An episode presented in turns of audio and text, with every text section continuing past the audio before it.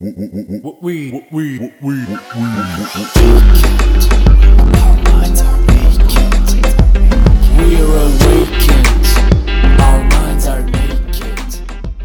svima, ja sam Martina Đokić, a vi slušate podcast Mentalni nudista. Nalazimo se u epizodi broj 39, sezone 2. I u ovoj epizodi govorit ću malo o mentalnoj neimaštini, odnosno mindsetu neimaštine, manjka, nedovoljnosti, deficita, straha i svega ostalog i o tome kako, zašto smo na tom mjestu i na koji način to utiče na neka naša ponašanja, akcije, nedostatak akcija, pa i poglede na druge ljude i njihove živote. E sad ja sam osoba koja je živjela i taj neki mindset u kojem sam smatrala da je život tu da nas muči i da ne može da mu se vjeruje i da je samo pitanje trenutka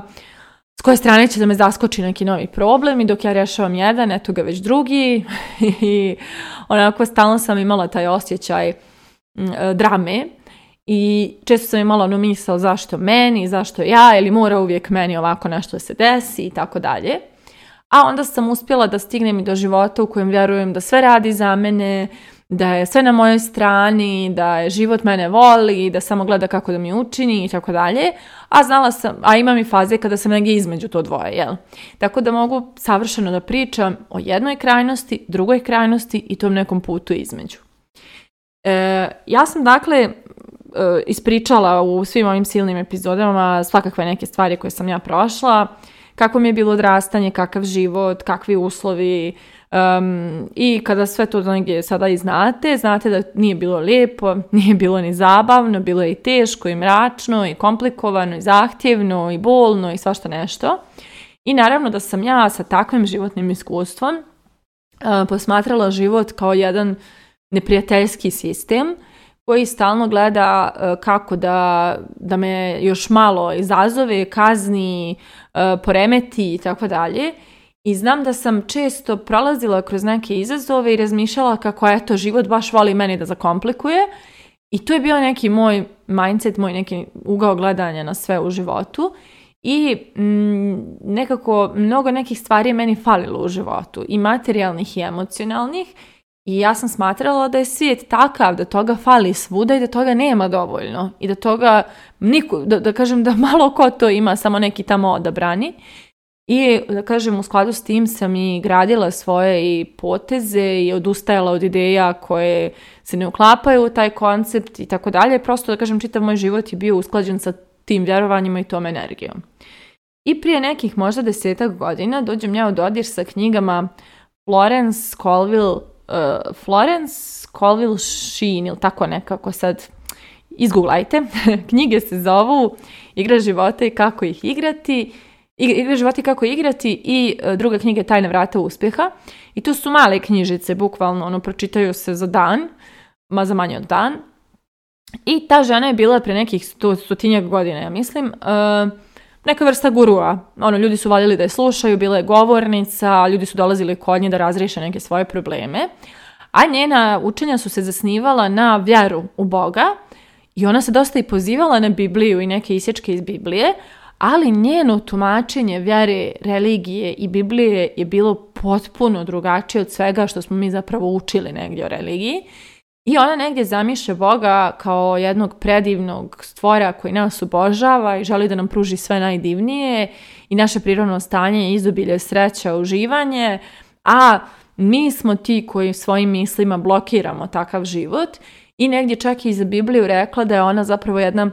E, simbolika ljudskog uma, da je ona simbolični prikaz ljudskog uma.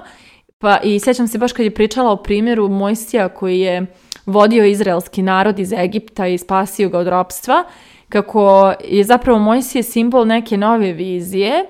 E, izraelski narod su naše misli koje krenu za tom vizijom, ali onda recimo eto u pustinji se desilo, ono desilo kad ih je vodio kroz pustinju, su oni počeli da gladuju, pa su počeli da se bune što ih je uopšte poveo u taj spas, kad je njima čak i u ropstvu bilo bolje jer su bili na sigurnom, i imali su šta da jedu. E, to su naše misli, to su naše sumnje jeli, koje se bude kada mi krenemo u, prav, u nepoznato i ispratimo neku viziju, i dođemo u nepoznat teren i onda počnemo jeli, da,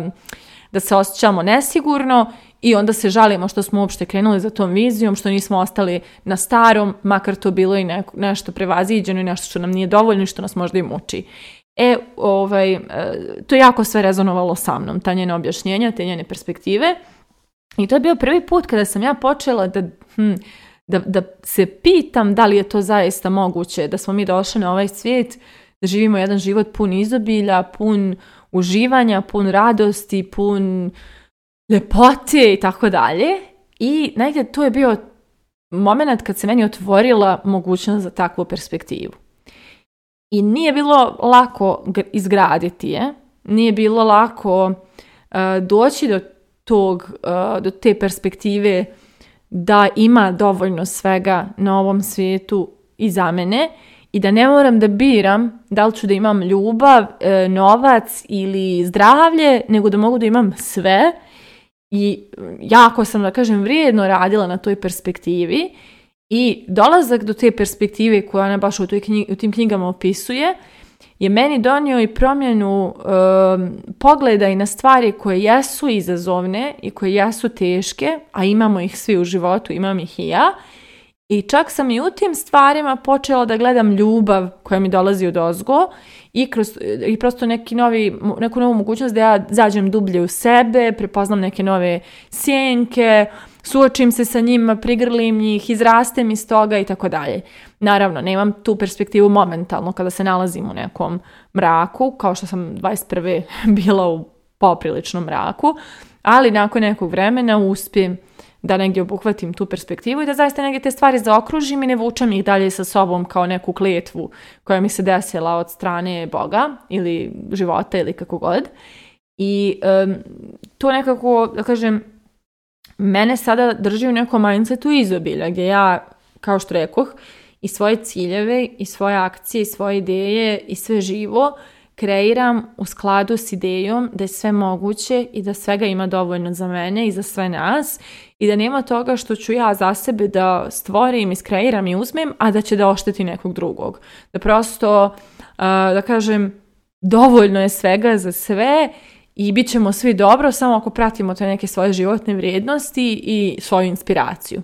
I iscijelimo se, naravno ne radimo stvari iz trauma, iz coping mehanizama, sad to je neka moja perspektiva holističkog svijeta. Ali što se dešava kada mi živimo u tom e, mindsetu nedostatka? Mi onda često e, odustajemo od stvari koje nismo ni počeli da kreiramo. Često posmatramo druge kao Eh, osjećamo ljubomoru kada neko nešto ima što nama fali i mm, pomalo nam i smeta ta osoba i ne volimo da je gledamo očima zato što se čini da ona ima nešto što mi nemamo, a ako ona to ima, mi to, kao da je nama to uzeto, jel pa otišlo je kod te osobe pa nema toga i za nas.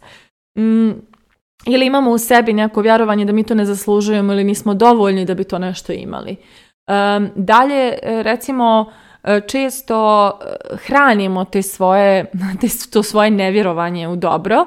i onda kada živimo u toj perspektivi nedostatka, naši fokus i filteri stalno skupljaju dokaze da je zaista tako. I onda nama izobilje pro, kraj nosa promakne jer ne vjerujemo da postoji pa ga ni ne vidimo. Odnosno naši fokusi, a objašnjavala sam i to kako funkcioniše naš mozak, znači prosto naš mozak ne procesuira postojanje dobrih primjera. A onda i kada zaista dođu, ono natrljaju nam na nos neki dobri primjeri, toliko su nam ispred očiju da ne možemo se pravimo da ih ne vidimo, mi njima nađemo mane. Mi tim dobrim primjerima nađemo, dovedemo ih u pitanje,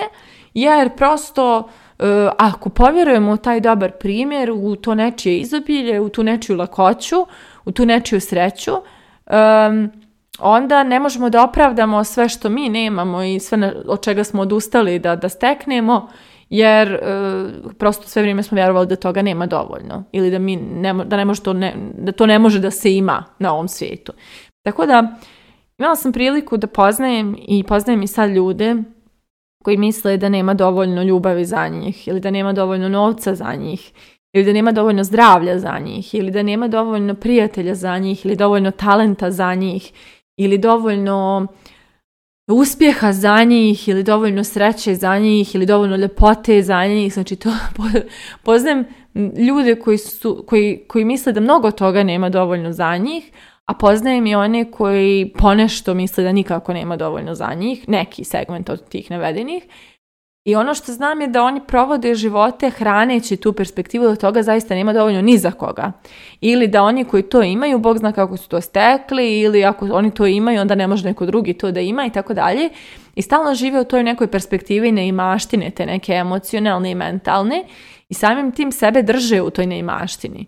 I zapravo prvi korak za izlazak iz te neimaštine jeste otvaranje za perspektivu da smo mi došli na ovaj svijet koji je pun izobilja i da svega ima dovoljno za sve nas i da nismo došli ovdje da se patimo, nego smo došli ovdje da rastemo, da imamo iskustva, da upoznajemo sebe iz nekih novih uglova na neke nove načine i da prosto rastemo, e, cvjetamo, listamo, što god,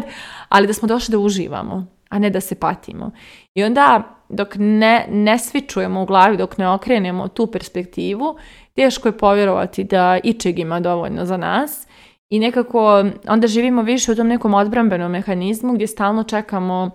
s koje strane će neki problem da nas dočeka ili neka bol ili neko odbacivanje ili kako god. Ne smo mi zapravo stalno u tom nekom borbenom raspoloženju umjesto u nekom u nekom inspirativnom ili, ili veselom ili ispunjavajućem uh, sistemu života. I sad, ja ne znam, vjerovatno među vama koji ovo slušate postoje oni kojima ovo što ja pričam zvuči kao nebulozer, jer kao kakvo izobilje, kakvo uživanje, ja prelazim kroz ovo ili ono, meni se desilo ovo ili ono, ali ono što je važno da razumijete je da je za ovim mikrofonom osoba koja je zaista mnogo toga prošla i ja sam imala sve razloge da me više nema ja sam imala sve razloge da odustanem od života mnogo puta, vrlo ozbiljne razloge, ono, možemo, možemo naučno, možemo medicinski da ih, da ih potvrdimo, možemo i pravno da ih potvrdimo. Imala sam sve razloge da zauvijek sumnjam u dobronamjernost života, imala sam sve razloge da nikad ne vjerujem ljudima, da nikad ne povjerujem da ima ljubavi za mene na ovom svijetu ili novca ili zdravlja ili bilo čega, ali evo me sada vidim svijet ovako. I ja sam taj put sama prešla, gradila sam ga, radila na njemu, mijenjala svoj um, prevaspitavala svoj nervni sistem, um, učila kako da mijenjam svoje perspektive i kako da ugledam taj svijet iz obilja. I sada kada živim u njemu, toliko je divno. I ja sam zaista, zaista okružena ljudima sa kojima dijelim te poglede i zato je lakše nekako hraniti tu perspektivu, ali da kažem mi smo se grupisali tako što smo svi radili na tome i onda smo se e, međusobno podržavali u tim novim perspektivama. E, ja u svom životu vidim koliko je izobilja, čak i ako nisam multimilioner i nemam sve na svijetu i nisam najljepša i najzgodnija i najbogatija i najpametnija i ne znam šta god, ali ja vidim koliko je izubilja u mom životu jer zaista toga ima i svaki dan hranim tu perspektivu svog života u kojoj ja sam zaista jedna srećna osoba koja ima mnogo toga. I sad, ako se neko pita da li ja tako izmišljam tu sreću u svom životu, pa evo samo ovo, sve i da izmišljam, ja je osjećam i tu je poenta. A ono što osjećam je moja istina, jel tako? Tako da znate i sami, ako mi u glavi smišljamo neke teške scenarije, mi smo uznemireni. Pa onda to što osjećamo je istina. Tako da važno je samo kako nam je u našoj koži, a ako to nije njegujuće kako nam je u našoj glavi, u našoj koži, onda to nam, nama ni ne služi. Tako da, moje pitanje za kraj ove epizode je da li živite u mentalnom sklopu uh, neimaštine i nedostatka ili ste otvoreni da ugledate izobilje koje nas okružuje. Mislite o tome, a mi se družimo u narednoj epizodi.